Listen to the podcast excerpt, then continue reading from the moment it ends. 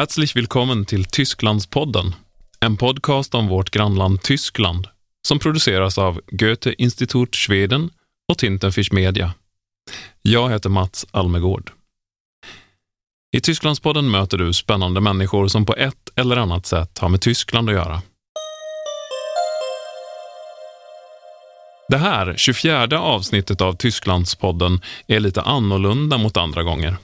Den här gången handlar det nämligen om ett speciellt tema. Och temat är Framtidens arbete, eller Die Zukunft der Arbeit. Och för att få svar på om hur vårt arbetsliv kommer att vara i framtiden har jag ringt upp två sociologer som båda forskar kring arbete. Roland Paulsen, som är verksam vid Lunds universitet och Lena Hipp vid Wissenschaftszentrum Berlin für Sozialforschung. Jag börjar med att ringa upp Roland Paulsen, docent i sociologi, författare till böcker som Vi bara lyder, Arbetssamhället och den senaste, Tänk om, en studie i oro. Kommer coronapandemin att förändra hur vi arbetar, även i framtiden? Kommer vi alla att jobba hemma? Det är den första frågan jag ställer till Roland. Det är en bra fråga för teknologin för att arbeta mer på distans har ju länge funnits. Och ehm, för ungefär 15 år sedan var det ganska liknande tongångar att snart så kommer vi eh, inte att arbeta från kontoren lika mycket utan vi kommer arbeta främst hemifrån och ha kontoren som mötesplatser ungefär. Det infriades ju inte då. Ehm, men det är ju möjligt att det kan hända nu. Jag tror att det finns vissa saker som kan tala emot. Och en sån sak är att arbetslivet är idag väldigt tidsstyrt. Eh, det vill säga vi reglerar arbete genom att kräva av anställda att de ska vara på en viss plats under en viss tid. Och eh, det där är ett ganska enkelt sätt att Ehm, styra från eh, chefer och från företag därför att man behöver inte veta exakt vad som görs då. Man behöver inte veta exakt hur lång tid det tar att utföra ett visst jobb. Utan man kan bara säga ni ska vara här under den här tiden. Så fort vi börjar jobba hemifrån blir det mycket viktigare att rapportera vad det är som har gjorts. Och då krävs en helt ny form av reglering, då måste vi gå tillbaka till eh, det som var det rådande i tidig eh, industrialism, alltså att man arbetade på ackord. Eh, en, en uppgiftsbaserad styrning.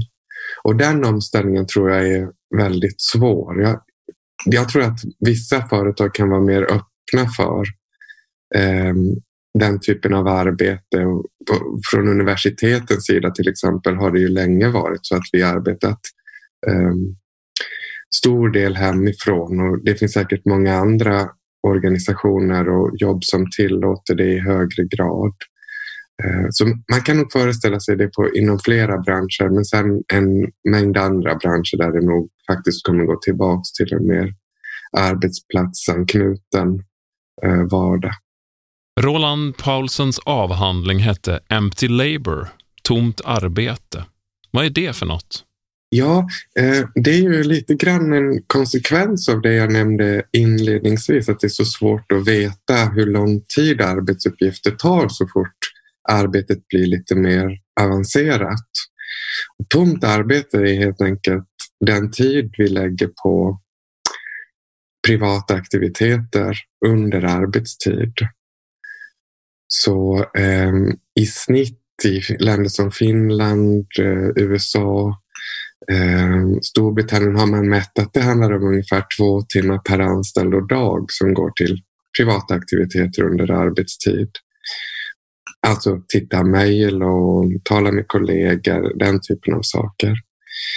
Eh, men det där är ju ojämnt fördelat så att i många branscher har man knappt någon tomt arbete alls medan de jag intervjuade för min avhandling la mer än hälften av sin arbetstid på privata aktiviteter. Så eh, tomt arbete kommer mycket ur det här att ibland är det väldigt svårt att veta hur lång tid som krävs för en arbetsuppgift och då kan den anställde själv säga att det tar mycket längre tid än vad det verkligen tar. Eller så får den anställde mycket längre tid på sig än vad som egentligen behövs och då kan det vara svårt att säga att ja, men det här kan jag göra mycket snabbare. Ehm, så ja, det anknyter absolut till det här fenomenet och frågan om huruvida vi eh, kommer kunna jobba mer eh, hemifrån i, i framtiden. Produktiviteten ökar i Sverige, men vi får inte mer frihet. Hur hänger det ihop? Som du säger så går ju produktiviteten upp enormt mycket sen vi i Sverige hade den sista stora arbetstidsförkortningen när vi kortade arbetstiden genom att sänka pensionsåldern då från 67 till 65 år. Sen dess har produktiviteten fördubblats. Och i Sverige och i USA står arbetad tid per anställd ganska still sedan dess. Vi arbetar ungefär lika mycket nu som då. Och det tror jag går Eh, varför arbetstiden inte kortas, det är till stor del en politisk fråga. Det finns ju tendenser i det kapitalistiska systemet som absolut motarbetar en arbetstidsförkortning. Att man till exempel vill ha företag kvar i landet och att om man kortar arbetstiden så blir det dyrare för företag att anställa. Men vi har tidigare ändå lyckats eh, få till stånd en mängd arbetstidsförkortningar. Eh, nu för första gången så ser vi någonting helt annat inom politiken och det är att man förlänger arbetstiden genom att höja pensionsåldern. Och det är någonting helt nytt. Man gör det utifrån en argumentation att vi blir äldre och äldre Eh, och man säger det här så ungefär som att det var en ny företeelse. I själva verket är det så att vi har blivit äldre ungefär samma takt i snart ett sekel och när vi kortade arbetstiden som mest så blev vi till och med äldre lite snabbare än vad vi blir idag. Så till stor del kan man säga att politiken har gått emot eh, en linje där det handlar om att maximera antalet arbetade timmar i samhället. Eh, och eh, det finns ideologiska förklaringar till det.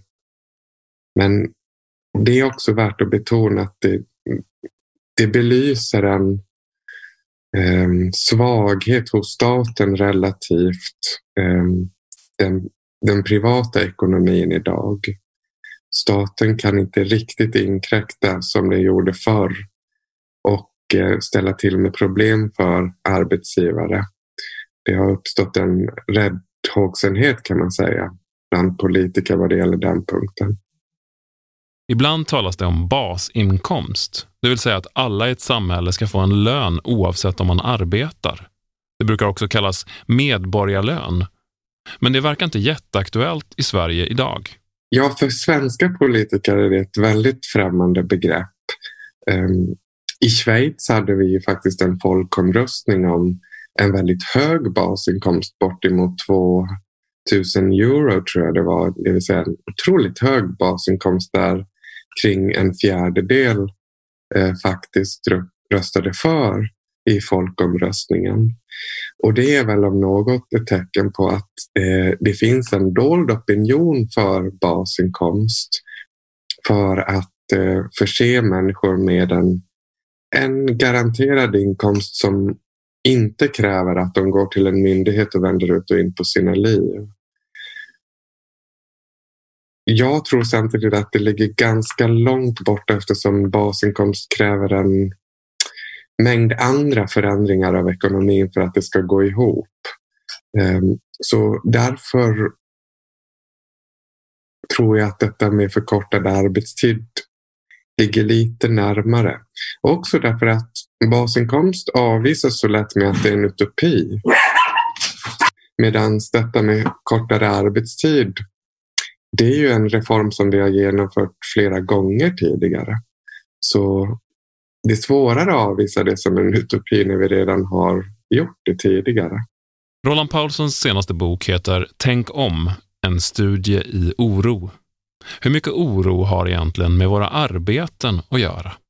Ja, eh, alltså på materiellt sett så har vi mycket skäl att vara mindre oroliga. Vi behöver inte oroa oss för svält och sådana saker i lika hög grad idag som tidigare generationer.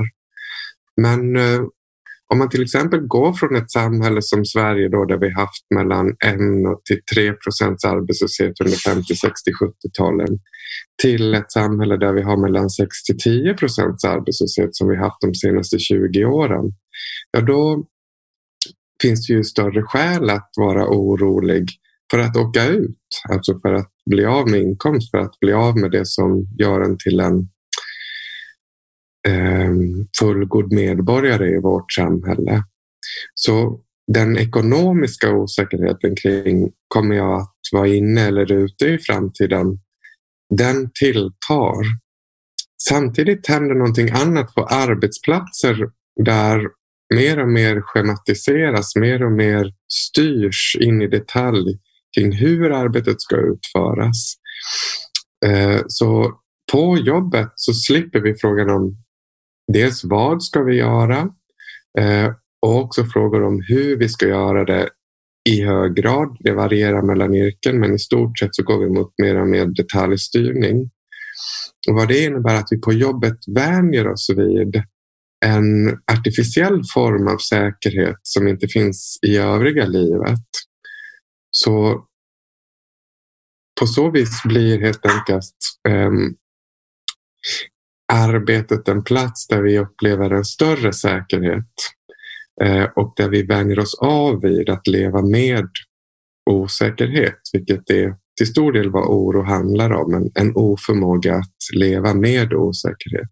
Så arbetsmarknaden är lite dubbel på så vis. å ena sidan har vi den här osäkerheten kring eh, kommer jag ha ett jobb eller inte? Vad kommer hända ekonomiskt? Å andra sidan den här lunken i vardagen som vänjer oss vid en säkerhet som det övriga livet inte har. Det, där, det, är sånt, det kan låta komplicerat men det är ungefär vad skolbarn får höra redan att ja, att eh, när ni går ut då kommer det en, finnas en värld där ni antingen kan bli vinnare eller förlorare. Och om ni vill vara säkra på att vara på den rätta sidan i den indelningen, då får ni sitta av tiden här i klassrummet och göra det ni ska. Eh, ni får uthärda tristessen helt enkelt för att slippa eh, den ekonomiska osäkerheten. Och så den där svåra, ja, omöjliga framtidsfrågan. Hur kommer arbetena att se ut i framtiden? Ja, jag ser det främst som en politisk fråga. Jag tror att andra sociologer har en lite mer deterministisk syn än vad jag har. Eh, man kan till exempel peka på att okej, okay, under de senaste 40-50 åren så har vi haft en stigande arbetslöshet, inte bara i Sverige utan i de flesta OECD-länderna. Så det verkar ju som att eh, ekonomin blir sämre på att absorbera allt det arbete som blir över när produktiviteten hela tiden ökar. Alltså vi har skjutit över massa arbetskraft först från jordbruk till eh, industriell sektor och nu till tjänstesektor. Och det verkar som att vi blir sämre på att uppfinna nya jobb som kan eh, då absorbera alla de som blir över när gamla jobb försvinner. Jag tror dock att det där mycket väl går att lösa. Eh, alltså, vi ser till exempel hur staten uppfinner jobb som är fullständigt hittepå. Eh, till och med för att arbetslösa ska få ut ekonomisk ersättning. Eh, och inte bara arbetslösa, till och med personer som är sjuka eller personer som går på olika former av socialbidrag tvingas också i allt högre grad utföra någon motprestation. Och där ser man någonstans hur lätt det är att hitta på jobb. Inte nödvändigtvis jobb som någon blir gladare av. Eh, men det finns liksom ingen gräns för vad man kan kalla ett jobb. Man kan sätta människor i en lokal och säga nu ska ni vara här. Eh, och så kan man kalla det för arbete, vilket är ungefär vad som gjorts tidigare i Sverige under olika åtgärdsprogram som till exempel fas 3. Så vi kan säkert ha koll på arbetslösheten men det, det sker till priset skulle jag säga av en växande känsla av meningslöshet och kanske till och med absurditet. Att varför gör vi det här? Det där var Roland Paulsen som berättade lite om hur han ser på framtidens arbete. Och nu är det dags att ringa upp professor Lena Hipp, verksam vid Wissenschaftszentrum Berlin für Sozialforschung, där hon bland annat leder forskningsgruppen Arbeit und Fürsorge, arbete och omsorg. Hon har också varit gästforskare över Harvard och skriver regelbundet om arbete och familjeliv i tidningar som Die Zeit. Hon forskar mycket kring familj, men hur ska man egentligen definiera en familj? Soziologisch verstehen wir unter Familie eigentlich eine Lebensgemeinschaft, die entweder durch Verwandtschaftsbeziehungen, Abstammung oder Adoption, Heirat begründet sein kann. Und meist denken wir an eine an einen gemeinsamen Haushalt mit Kindern, mit Lebenspartnern, vielleicht auch noch Eltern oder anderen Verwandten. Diese soziologische Definition unterscheidet sich von einer juristischen Definition von Familie. Und in einer juristischen Denkweise gehören zur Familie eben nur Angehörige, die entweder rechtlich oder biologisch miteinander verbunden sind und deshalb sowohl bestimmte Privilegien, aber auch Pflichten haben. Und jetzt ganz gleich, ob man diese juristische oder soziologische Definition von Familie im Kopf hat, Familie ist immer eine ganz wichtige, zentrale Versorgungseinheit. In westlichen Gesellschaften, aber auch in anderen Gesellschaften tragen Familien zum materiellen Wohlergehen bei, aber auch zum sozialen und emotionalen Wohlergehen. Also das ist eine ganz wichtige Funktion von Familie. Und jetzt natürlich mit ähm, immer mehr Menschen, die erwerbstätig äh, sind und gleichzeitig familiäre Verpflichtungen haben, tritt natürlich auch die Frage, wie sich Familie mit Erwerbsarbeit verbinden lässt, in den Vordergrund. Sociologiskt brukar man säga att familjen är ett slags livsgemenskap som baseras på släktskap, adoption eller liknande. Det är också en viktig enhet för försörjning. Familjen har en viktig funktion i det ekonomiska kretsloppet. Frågan är bara hur man ska kombinera familj och yrkesliv, säger Lena. Men vilka är de stora utmaningarna mot familjen år 2020? Also welch, es gibt eine ganze Reihe von Herausforderungen, die Familien haben und die können natürlich total individuell sein. Die sind abhängig davon, ob ich vielleicht die Großeltern am gleichen Ort habe, wie gut es mir finanziell geht und so weiter, wie gesund die Kinder sind, wie gesund man selbst ist. Also das ist ein ganz großer Strauß an Herausforderungen, den Familien erleben. Aus soziologischer Sicht sind es meines Erachtens drei Herausforderungen, die besonders relevant sind. Da ist zum einen die Tatsache, dass Familien immer instabiler werden, aber auch bunter werden. Also Scheidungsraten sind in der westlichen Welt in den vergangenen Jahrzehnten fast überall angestiegen. In der Folge davon gibt es mehr Patchwork-Familien, Alleinerziehende. Und ähm, das führt natürlich dazu, dass, und das wäre die zweite Herausforderung, dass sowohl ähm, die institutionellen als auch materiellen Unterstützungsmöglichkeiten, ähm, die Familien gegeben werden müssen, damit sie funktionieren können, dass die sich ändern müssen. Und Stichworte sind hier Kinderbetreuung, das ist aber auch das Versorgungsrecht, Transferhilfen, materielle Unterstützung für Familien, aber natürlich auch Beratungs Rettungsdienste. Und das führt mich zur dritten Herausforderung.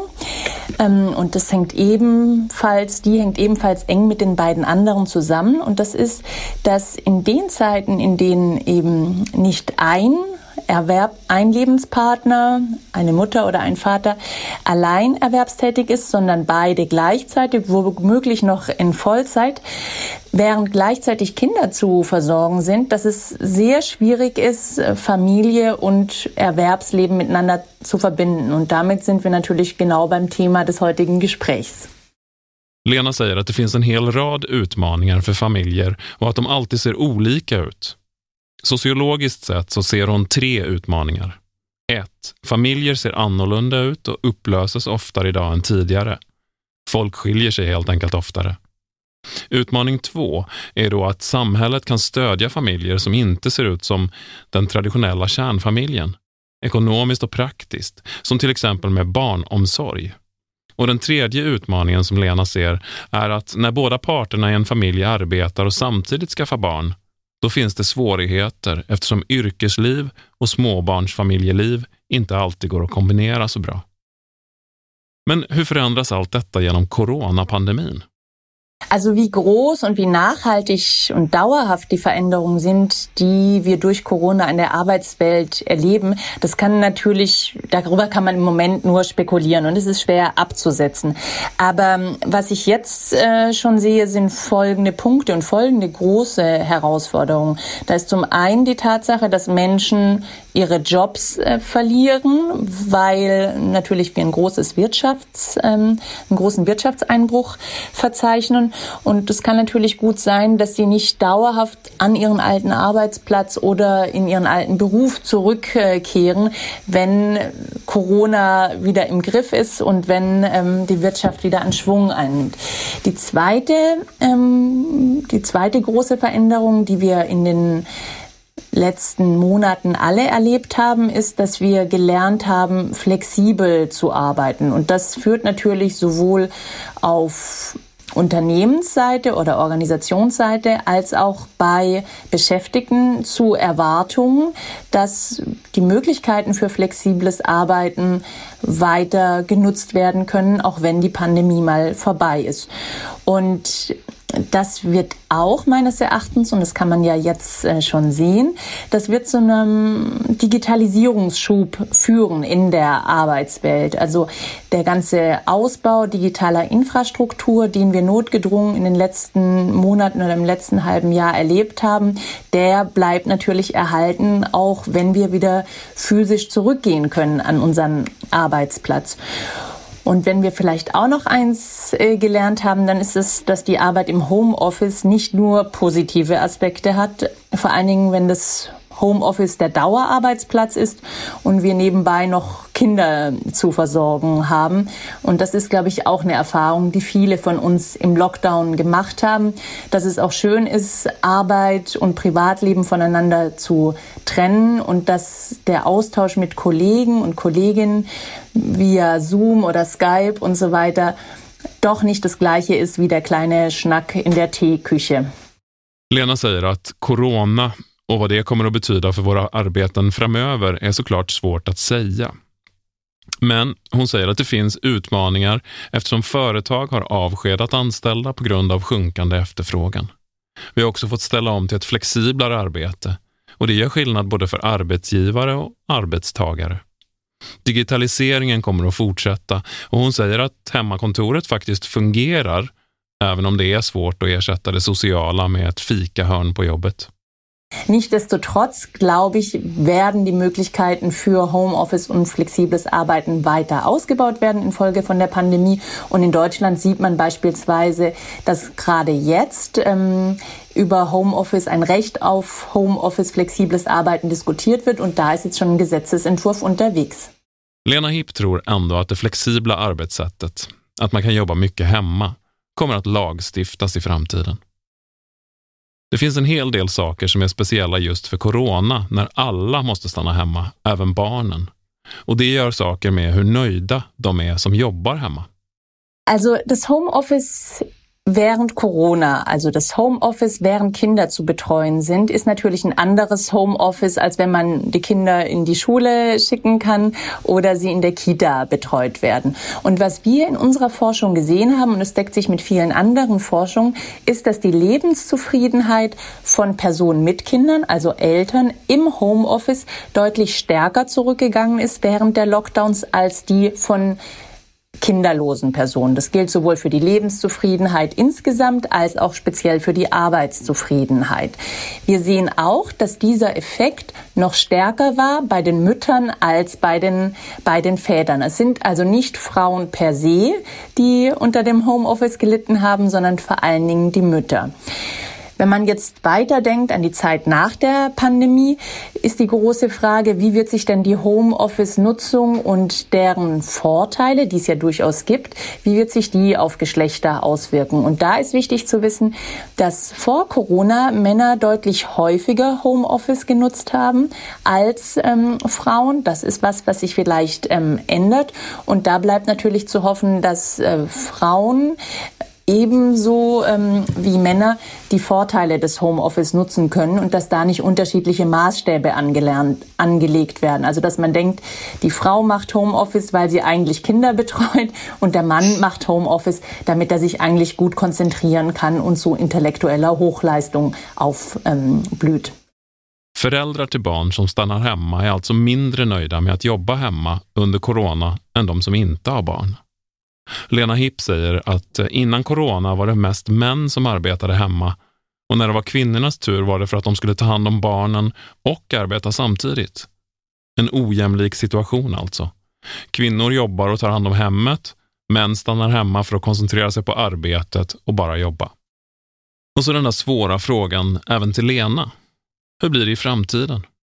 Also wenn wir denken, was die großen Treiber in der Arbeitswelt derzeit schon sind, die wir sehen, lassen sich eine ganze Reihe von Veränderungen vermuten. Die großen Treiber sind zum Beispiel demografische Veränderungen, also Menschen werden immer älter, leben länger, müssen deshalb auch länger arbeiten. Gruppen, die bislang noch nicht ähm, oder zum geringeren Maße in den Arbeitsmarkt involviert sind. Dazu zählen in Deutschland beispielsweise Mütter, die noch immer häufig in Teilzeit arbeiten. Also diese demografischen Veränderungen werden die Arbeitswelt verändern. Dann werden auch klimatische Veränderungen äh, die Arbeitswelt verändern. Green Jobs sind wahrscheinlich die Jobs, die eine Zukunft haben. Also wenn man jungen Leuten rät, sich in einem bestimmten Beruf auszubilden oder zu, äh, zu studieren, dann sind das äh, Bereiche, die eben in der Green Economy zu verorten sind. Und dann natürlich noch der ganze Bereich der Digitalisierung, dass manche Jobs wegfallen werden, dass andere höher gefragt sind. Auch das ist was, das die Arbeitswelt verändern wird. Und wenn ich zum Abschluss vielleicht noch einen Wunsch äußern darf, dann wäre natürlich der, auch weil wir jetzt so viel über Vereinbarkeit gesprochen haben, dass sich Lebensläufe und Erwerbsleben diesen veränderten Bedingungen anpassen. Also dass ein Erwerb Erwerbsleben nicht in Vollzeit ähm, ausgeführt werden muss, damit man im Alter, in der Rente ein ausreichendes Einkommen hat, sondern das Erwerbsleben Brüche haben können, dass man sich neu ausbilden lässt, um eben in einem Green Job zu arbeiten, um eben seine Digitalisierungskompetenzen auszubauen und um eben auch Sorgearbeit, speziell Kindererziehung und Pflege von Angehörigen auch verwirklichen zu können und eben dass es nicht so ist, dass dieses allein von Frauen geschultert wird. Lena Hipp säger att vår medellivslängd ökar och det kommer att ändra arbetsmarknaden. Klimat och miljö kommer att påverkas och förhoppningsvis så kommer vi att se en större boom för gröna arbetsplatser. Sen är det digitaliseringen som kommer att fortsätta och förändra framtidens arbete och till sist säger Lena att hon önskar sig att vi inte behöver jobba heltid alltid, utan att man kanske kan jobba lite kortare stunder i vissa perioder eller ta helt ledigt för att studera vidare och lära sig något nytt. Eller att både män och kvinnor kan vara lediga mycket längre för att ta hand om sina barn. Och med den önskan för framtiden är Tysklandspodden slut för den här gången. Tysklandspodden produceras av Tintenfisch Media AB för Goethe Institut Schweden. Ljudproducent är Andreas Tilliander. Har du förslag på någon som du vill höra i Tysklandspodden? Mejla info Stockholm snabela goethe.de och berätta det. Vi hörs snart igen. Auf Wiederhören!